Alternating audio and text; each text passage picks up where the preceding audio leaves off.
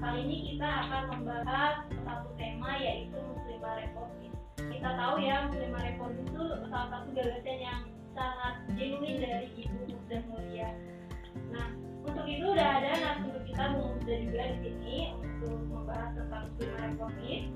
Nah, Ibu Muslimah Reformis itu apa sih Bu dan siapa gitu sosok Muslimah Reformis itu yang kayak gimana?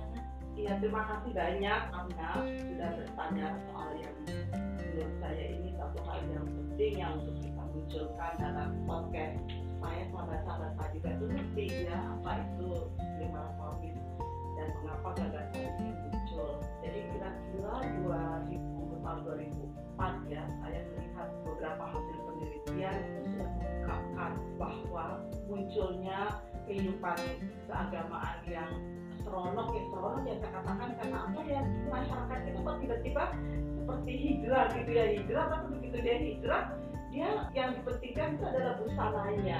Jadi begitu dia pakai pada pada pindah pakai busana muslimah ada yang pakai cadar mah ada yang pakai apa namanya jilbab panjang tapi kok kelakuannya nggak berubah gitu ya. Jadi memalukan saya pernah lu marah sama seorang perempuan yang yang pakai jilbabnya ketat tapi kok dia berciuman ya di depan lift ya karena saya pikir loh kamu ini apaan ya gitu. Karena saya sampai bingung gitu. Oh, kalau gitu gak usah pakai jilbab aja karena sangat kontras banget gitu kan. Ya berciuman itu sesuatu yang biasa-biasa aja sih kalau di barat ya. Tetapi ini kok seperti itu loh perilakunya belum lagi kalau saya ke Aceh katanya pakai uh, jilbab ya tetapi kok apa udelnya itu kelihatan ya? Pusar pusarnya itu kelihatan buat saya itu. Boleh-boleh aja terserah. Ya tapi kok jadi aneh aja. Saya bukan orang yang primitif yang bingung lihat orang seperti biasa-biasa aja. Tetapi kok dengan cara seperti ini kamu kok menganggap diri muslimah? Tapi kok sikapmu itu loh belum lagi yang paling menjadikan itu adalah sikap menyalah-nyalahkan orang lain ya sikap mengkafir-kafirkan orang lain begitu dia pakai jilbab lalu semua orang yang nggak pakai jilbab dianggapnya kafir gitu kan? Lalu menganggap dirinya paling benar sendiri. Seolah-olah surga itu cuma milik dia sendiri gitu kan? Jadi menurut saya ini sesuatu yang aneh kok. Masyarakat kita kok jadi aneh? Sebelumnya kok nggak seperti ini. Belum lagi muncul kelompok-kelompok yang mengkafir-kafirkan Pancasila gitu. Dia berada di Indonesia tapi kok jelek-jeleknya di Indonesia? Kenapa dia nggak pindah aja ya ke negara lain kan lebih aman buat dia supaya bisa merasakan hidup yang nyaman gak ada urusan dengan Pancasila gak ada urusan dengan pluralisme. Kita kan hidup di Indonesia yang betul-betul heterogen beda kan? Ya kalau hidup di Arab ya memang di Arab itu dari sejak apa berdirinya emang nggak ada gitu agama lain. Kalau di Indonesia kan sebelum Islam datang aja di Nusantara ini sudah penuh dengan agama-agama yang beragam. Akan ada ratusan agama di Nusantara kita ini karena itu saya berpikir gimana nih membangun satu istilah ya disebut muslimah reformis yang benar-benar bisa hidup di Indonesia ya. Gagasan itu muncul lah tahun tahun 2004 itu lalu saya menulis buku yang pertama itu namanya juga muslimah reformis ya lalu kemudian saya sempurnakan gagasan saya itu dalam bentuk ensiklopedia jadi dalam bentuk ensiklopedia muslimah reformis tahun 2019 ya 15 tahun baru pas gagasan-gagasan itu saya saya munculkan kembali saya lengkapi lagi dengan lahirnya buku besar itu ya sebesar berapa hampir seribu halaman. Tadinya ini sampai 2000 halaman tapi kata kata penerbitnya kan sudah tebalannya jadi tadi edit edit lagi ya jadi 863 halaman berupa ensiklopedia muslimah reformis nama kamu juga apa cerita aja bahwa kita ada apa, dalam dalam perjalanan saya? Kamu uh, refleksi aja tulis nasihat kamu di mana di mana mana yang kamu lihat generasi milenial itu kayak apa gitu. Oh iya. Nah ini dari 2004 Bunda udah merasakan uh, banyak masalah di kehidupan beragama kita ya. Sampai sekarang pun masih ada gitu masalahnya. Bahkan mungkin kayaknya nggak terlalu berubah ke arah yang lebih baik juga ya punya nah untuk itu selain gagasan muslimah reformis ini lewat bukunya Bunda juga aktif yang memberikan pelatihan-pelatihan kepada perempuan-perempuan Indonesia khususnya muslimah. Kemarin juga kita melakukan pelatihan namanya pelatihan muslimah milenial reformis. Nah itu gimana sih Bun? Apa pelatihan itu dan tujuannya apa kira-kira ya saya pikir gagasan ini perlu disosialisasikan ya kepada masyarakat khususnya kepada milenial. Pertanyaannya lalu kenapa sih para milenial yang karena 70 hampir 70 juta dari penduduk Indonesia ini adalah kelompok milenial? Mereka itu mayoritas dalam kependudukan kita. Itu disebut dengan bonus demografis sebetulnya. Nah supaya Indonesia ini ke depan itu maju kelompok milenial ini harus di harus diedukasi dan dikembangkan secara sebaik mungkin sehingga mereka menjadi kader bangsa yang uh, berkualitas ya. Nah, dalam konteks itulah saya mencoba uh, dengan gagasan pelatihan muslimah milenial korupsi ini berbagai wilayah terutama wilayah-wilayah yang apa radikalisasinya itu apa dianggap kental ya jadi saya mengambil data-data dari BNPT bagaimana terjadi proses-proses radikalisasi di berbagai wilayah kita nah apa yang ingin kita terapkan dalam pelatihan itu adalah bagaimana milenial mengerti tentang lima nilai jadi uh, muslimah korupsi itu sebetulnya mengandung lima nilai yang pertama itu adalah nilai ketakwidaan ya, nilai spiritualitas Nah, milenial kita ini nggak boleh kehilangan orientasi dalam hidupnya. Spiritualitas itu penting, tetapi yang saya maksud dari spiritualitas itu bukanlah beragama secara simbolistik. Jadi kan banyak nih di masyarakat kita agamanya itu hanya ada pada simbol-simbol. Kalau dia sudah pakai jilbab panjang, dia merasa sudah islami. Padahal dia tidak menerapkan nilai-nilai ya perilaku yang islami dalam masyarakat. Misalnya apa? Perilaku yang islami itu perilaku yang tidak menjelek-jelekan orang lain, ya. Tidak menyalah-nyalahkan orang lain dan memandang benar dirinya sendiri tidak Tuhan jadi kayak Tuhan gitu loh dia udah mengkafir-kafirkan orang lain. Jadi saya pikir loh memang dia jadi Tuhan apa gimana? Nah spiritualitas ini penting jadi dan itu kalau dalam saya. Kita hanya menyebab kepada satu Tuhan kalau dalam istilah Islamnya kenapa kenapa dan itu penting? Karena kita mengatakan hanya ada satu Tuhan berarti semua makhluk yang ada di dalam planet bumi ini terutama manusia berarti semua bersaudara dong. Karena Tuhan kita kan satu gitu kan? Hanya ada satu Tuhan. Jadi kita semuanya adalah makhluk yang sama yang diciptakan Tuhan gitu. Bagaimanapun juga ya sama kita harus ada solidaritas dong. Siapa pun kita yang meskipun kita tidak seagama tapi kan kita saudara kemanusiaan ya. Itulah spiritualitas itu terbentuk di situ. Spiritualitas itu adalah lebih kepada bagaimana kita mendekatkan diri kepada Tuhan dan kita mengimplementasikan nilai-nilai atau sifat-sifat Tuhanan gitu misalnya apa kita kan kalau dalam Islam kan percaya sifat yang paling paling utama dalam diri Tuhan itu ada dua kan Ar-Rahman, Ar-Rahim. Itulah sebabnya setiap saat kita memulai pekerjaan kita membaca Bismillahirrahmanirrahim. Nah, supaya sifat Rahman, pengasih dan penyayang itu menjadi ikon di dalam hidup kita. Itu pertama, satu yang tadi saya katakan. Nah, yang kedua, nilai-nilai kemanusiaan. Nah, kenapa penting nilai-nilai kemanusiaan ini kita bangun? Adalah bahwa kita sadar bahwa semua ujung dari kita beragama ini adalah untuk membangun kemaslahatan bagi manusia kemaslahatan untuk diri sendiri kita beragama itu kemaslahatan diri supaya kita menjadi lebih baik dan lebih baik lagi. Ya dengan beragama kita menjadi lebih baik. Dengan beragama kita bisa memperbaiki keluarga. Karena itu, kalau ada orang yang beragama tapi keluarganya tidak baik-baik itu harus bertanya kamu tidak bisa tidak memperbaiki keluarganya. Dia membangun kebaikan bagi masyarakatnya. Karena itu kita harus melakukan sesuatu. Jangan jangan hanya apa ya apatis gitu. Yang penting saya pokoknya sholat aja. Lo nggak bisa. Kamu sholat tapi juga kamu harus hampir seluruh loh eh, ibadah dalam Islam itu fungsinya itu adalah fungsi sosial. Misalnya kamu sholat. Setelah kamu sholat kamu ngapain? Dilakukan sesuatu dalam banyak ayat. Kalau kamu sudah selesai sholat bangkitlah. Lakukan sesuatu untuk kebaikan kepada orang banyak. Yang mulai dulu dari keluargamu gitu. Jadi kita nggak boleh diem aja. Itu sebabnya tentu saja dalam sholat kita sholat kan syarat ada fasyani wal bahwa sholat itu seharusnya mencegah kamu dari melakukan hal-hal yang keji, hal-hal yang keji dan hal-hal yang tidak terpuji. Itu kan menarik kan? Jadi sholatmu itu bermakna ketika kamu sudah melakukan. Kalau belum, belum ada maknanya. Bagaimana caranya kita tidak positifin orang, tidak jadi pelakor, gitu. Eh, jangan dulu pelakor ya salah juga kan pelakor itu kan istilahnya buat laki dan perempuan dua-duanya salah lah ya dan tidak tidak mengintimidasi orang tidak melukai sesama karena itu kemanusiaan itu penting itu kalau kita melihat ada orang yang mengaku beragama tapi hidupnya sehari-hari melukai satu pasangannya nah itu melakukan KDRT gitu kan. Saya pikir oh ini nggak nggak beragama karena rasa kemanusiaannya itu nggak terbentuk gitu loh. Nggak punya rasa empati kepada orang yang tertindas orang yang mengalami diskriminasi eksploitasi. Nah itu sisi kemanusiaan itu penting. Yang ketiga terbangun empatinya kepada kelompok-kelompok rentan kelompok-kelompok tertindas kalau dalam Al-Quran itu pembelaan terhadap kelompok pada asin itu sangat sangat kuat tegaskan. Karena itu sebagai muslimah reformis kamu punya punya rasa empati untuk membangun ya untuk apa membela orang-orang yang tertindas karena sebetulnya agama ini adalah sebuah upaya liberasi membebaskan manusia itu dari kemiskinan dari kebodohan dari pengangguran dari dari apa pun ya yang yang tidak menyenangkan dan karena itu sebagai muslim kita harus berani melakukan sesuatu. Jadi kalau ada orang yang mengalami eksploitasi kita harus berteriak. Nggak boleh orang itu dilakukan kayak gitu. Karena kalau orang itu dibiarkan mengalami ketidakadilan maka suatu ketika kita akan mengalami ketidakadilan. Boleh jadi dalam bentuk yang lebih dahsyat ya. Nah nilai yang keempat yang saya tanamkan dalam muslimah republik adalah nilai kebangsaan. Nah ini penting nih Amna. Bagaimana seorang muslimah ini harus mencintai tanah airnya harus punya wawasan kebangsaan bagaimanapun juga kita ini hidup di Indonesia bukan di Eropa bukan di bukan di Arab ya. Jadi rasa kebangsaan kita itu apa? Kita mempelajari sejarah para pendiri bangsa ini. Bahwa para pendiri bangsa ini masih ada selalu ada ya. Siapa yang nggak kenal Kiai Wahid Hashim pendiri NU?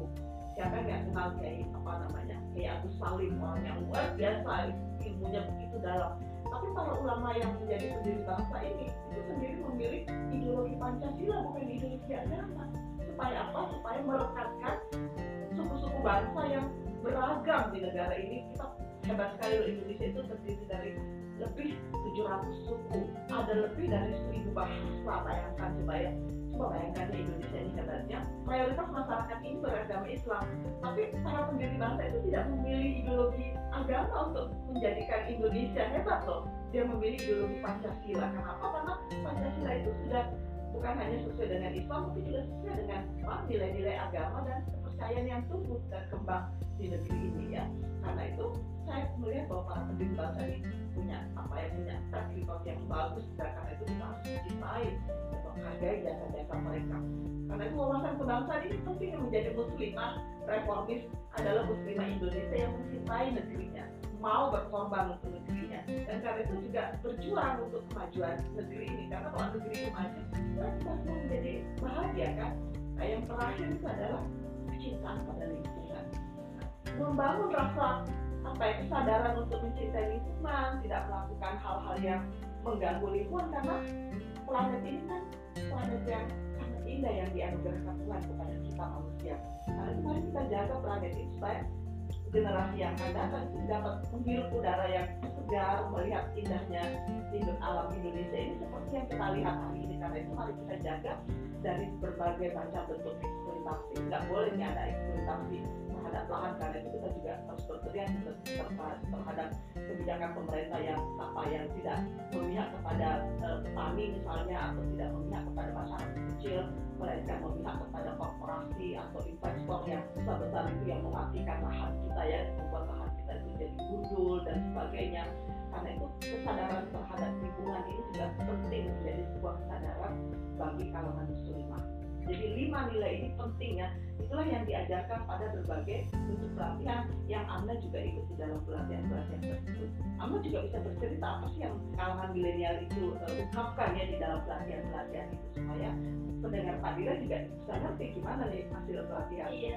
Jadi kita nggak cuma di bentuk perspektifnya tentang nilai-nilai spiritualitas kemanusiaan kebangsaan kesetaraan kita juga diajak untuk ikut terlibat dalam menyuarakan isu terutama di media sosial ya dengan bikin konten-konten terus kita juga berdiskusi merencanakan kegiatan selanjutnya buat daerah tersebut. Itu banyak yang kita lakuin sama terus eh, kira-kira pesannya para milenial itu bagaimana? Mereka sangat antusias ya ikut terbangun gitu engage lah ya sama isu-isunya. Karena mereka juga terdiri dari uh, latar belakang yang berbeda-beda mereka juga kebanyakan udah aktivis mereka juga mahasiswa terus aktif di komunitas-komunitas jadi pelatihan ini uh, membantu mereka buat lebih lagi mau untuk turun dan terlibat di masyarakat nah kalau muslimah reformis tadi ada yang lupa ya untuk istilahnya sendiri sih pun kenapa bunda memilih istilah reformis gitu? karena kenapa nggak memilih tema-tema dari Islam kayak kayak perempuan soleh aja ya ya uh, sebetulnya saya melihat bahwa istilah soleha itu itu mengalami degradasi makna ya arti sebetulnya sih baik ya kalau seorang perempuan yang soleh itu adalah perempuan yang punya spiritualitas punya ke apa ya punya sensitivitas dan punya uh, kemauan untuk memperbaiki masyarakatnya tetapi makna yang umum di masyarakat kita begitu menyebut kata kata soleha itu kok maknanya kok jadi statis gitu ya jadi umumnya nih kalau saya bertanya nih kepada banyak mahasiswa saya kepada anggota pengajian saya kamu apa yang kamu maknai terhadap soleha? Lalu umumnya itu menjawab oh soleha itu artinya adalah perempuan penurut. Ya nurut gitu ya nurut itu maksudnya apa? Nah yang yang tadi ini yang saya katakan salah satu penyebab penyebab timbulnya hubungan yang toksik itu tadi. Itu adalah karena ya itu apa namanya anak-anak istilahnya itu kalau dalam Islam sami'na wa nah gitu. Nurut yuk enggak. Tolong ya sami'na wa nah itu hanya dalam konteks hubungan manusia dan Tuhan. Bukan dengan dalam konteks hubungan manusia dengan sama wah ini kacau ya. Karena itu kata soleha itu dalam masyarakat kita tuh jadi maknanya itu jadi negatif. Artinya apa? Orang yang statis yang nggak banyak bicara. Orang yang kalau jalan tuh tunduk. Aja dari sampai tuh bentur kakinya tuh baru dia bangun. Gitu. Kira-kira ya. Jadi orang yang nggak banyak bicara orang yang diem ada gitu. Orang yang tidak berani mengungkap apa yang kekerasan dalam rumah tangganya dan dia biarkan saja karena itu bagian dari ketaatan dia kepada uh, suami dan itu adalah bagian dari jalan dia untuk menuju surga dan menurut saya ini ada satu hal yang sangat sangat keliru. Nah karena itu saya mencari padanan kata lain dan saya menemukan uh, kata dari kata sholah apa kalau saya sebut kata yang lebih tepat itu adalah aslah useful itu jadi dalam surah al-baqarah ayat 20 itu dijelaskan pentingnya kita menjadi aslaha melakukan perbaikan yang memberikan upaya-upaya reformasi. Karena itu aslaha muslimun itu adalah upaya-upaya reformasi. Itulah reformis ya. Upaya-upaya memperbaiki. Nah karena itu reformis itu adalah sikap atau perilaku yang selalu ingin memperbaiki. Memperbaiki apa? Memperbaiki kualitas diri. Karena itu sebagai muslimah kita harus berusaha terus menerus di anak jadi kita memperbaiki kualitas diri kita setiap hari setiap kali nafas kita.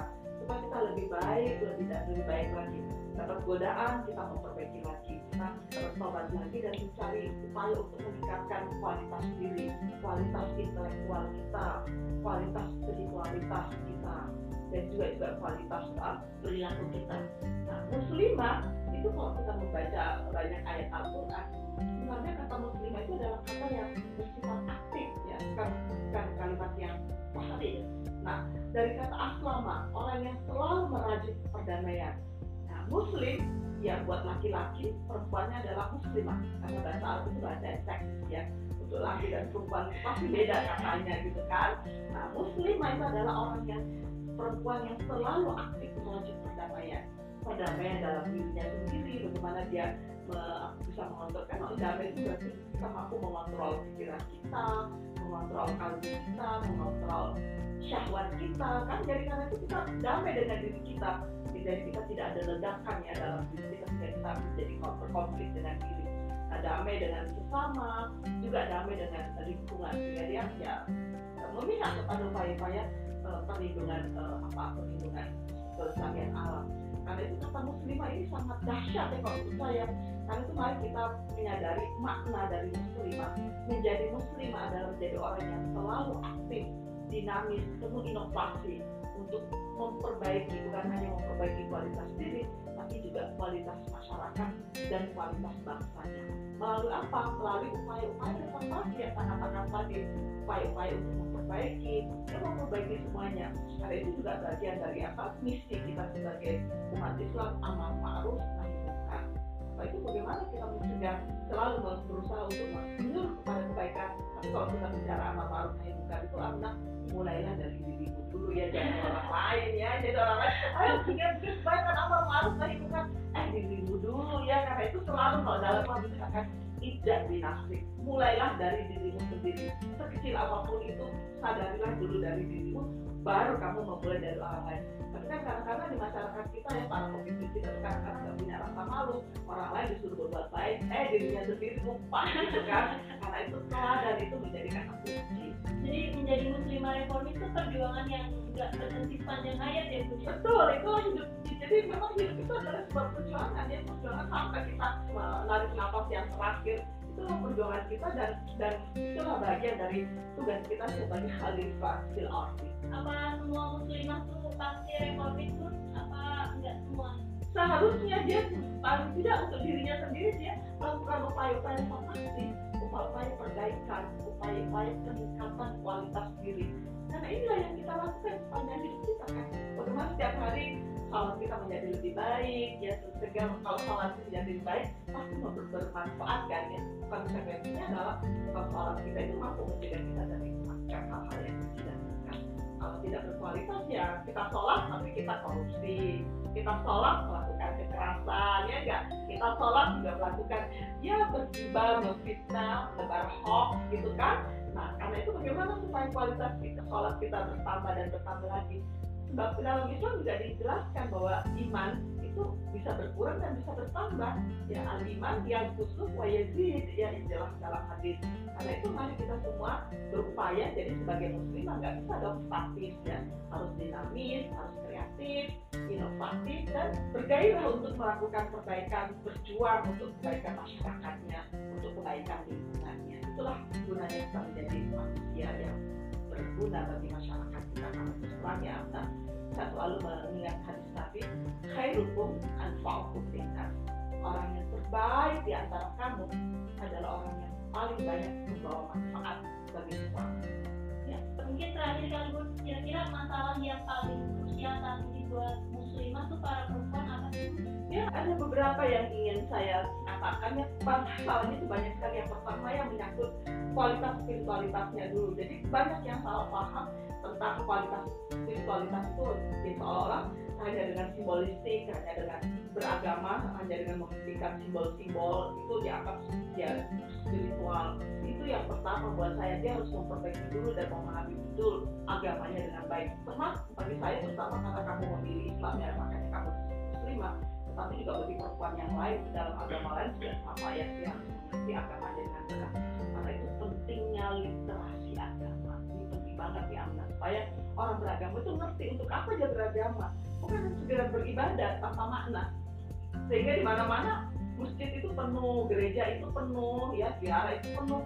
Tapi mana apa tapi moralitas masyarakat itu tidak mengalami peningkatan gitu ya kekacauan di mana-mana terjadi. Bagaimana coba kalau kita di jalan raya saling ngebut kan karena kan tapi itu bagaimana sih orang-orang? Katanya dia beragama? Tapi tidak saling mendasar bagaimana memberikan jalan? Kan kelihatan banget di dalam masyarakat kita kalau kita udah berada di jalan raya masyarakat kita itu udah kelihatan saling aduh kalau kita nggak hati-hati kita bisa tabrakan setiap hari ya. Karena pikir apa yang salah ya? Apa karena mereka itu dikasih SIM tanpa diberikan uji gitu diuji dulu? Dia dia berhak nggak untuk membawa kendaraan? Bagaimana ya? Karena itu buat saya itu kekacauan apa ideologi pemahaman terhadap agama ini penting ya satu dulu nah yang kedua ini persoalan berkaitan dengan godaan sehari-hari. Ya konsumeristik ini karena ada berpikiran apa sih? Terutama untuk perempuan ya. Bagaimana dia bisa menjadikan hidupnya bermakna dengan membelanjakan hartanya kekayaannya itu dengan cara-cara yang benar yang tidak hidup secara konsumtif. Karena dia juga harus memikirkan orang lain. Kalau kamu punya kelebihan tolong deh itu kamu berikan kepada lembaga-lembaga sosial lembaga-lembaga yang bertanggung jawab untuk menyalurkan ya bantuan-bantuan sosial. Karena masyarakat kita ini dikenal sebagai masyarakat yang miskin tidak teredukasi dengan baik ya dan juga masalah-masalah terkait dengan ketimpangan sosial. Karena itu godaan konsumeristik ini sangat-sangat berbahaya. Nah yang ketiga itu godaan hedonistik godaan untuk hidup secara hedonis ya. Pokoknya memuaskan hasrat hasrat biologis. Nah bagaimana kita mengajarkan kepada para muslimah ini bahwa hidup ini bukan hanya untuk urusan biologis tapi juga ada urusan spiritual ada urusan yang lebih penting dari itu ya. Jadi jangan tergoda ya dengan kehidupan yang hedonis yang tanpa tanggung jawab sama sekali. Tidak tidak tidak jarang ya mereka terpapar terpapar pada narkoba terpapar pada apa terpapar pada minuman keras terpapar pada apa sikap hidup yang hedonis ya mementingkan kepuasan ragawi atau dengan karena saya juga menemukan uh, tidak sedikit ya perempuan yang hidupnya tuh habis ya di salon ya habis di mana. Jadi nggak bermakna banget ya hidupnya. Bukan bukan berarti saya tidak setuju orang pergi salon. Bukan saya juga pergi ke salon tapi ada ada apa ya ada prioritas gitu ada balancing ya ada keseimbangan lah di dalam hidup itu. Nah yang yang ketiga itu adalah udah apa namanya persoalan-persoalan itu adalah orang perempuan Indonesia itu masih mengalami kekerasan yang macam-macam. Mulai dari kekerasan yang berkaitan dengan ekonomi yang kekerasan fisik kekerasan psikis dan juga kekerasan seksual. Dan ini yang paling besar kekerasan seksual. Karena ini nggak nggak terungkap dengan baik. Nah yang keempat itu masih terbelenggu pada uh, kemiskinan dan uh, pengangguran. Yang mereka walaupun bekerja bekerja pada sektor-sektor yang pekerjaan yang tidak ada perlindungannya ya pekerjaan kalau sebelumnya pekerjaan kasar kayak juga tetapi pekerjaan-pekerjaan yang di sana perlindungan terhadap uh, dan martabat manusia itu sangat tidak seimbang. Karena itu saya pikir persoalan-persoalan yang dihadapi perempuan terutama perempuan Indonesia itu sangat besar dan karena kita bicara tentang Indonesia maka mayoritas itu adalah pasti muslimah. Karena itu menjadi muslimah yang penting adalah bagi saya bagaimana meningkatkan literasi sehingga mereka itu punya kesadaran untuk melakukan perubahan dan perbaikan bukan bukan hanya untuk dirinya tapi Oke sahabat Padira, demikian podcast bincang dengan tema muslimah ekonomi kali ini. Kita akan jumpa lagi dengan tema-tema yang lebih seru lagi tentang di podcast Padira. Assalamualaikum warahmatullahi wabarakatuh.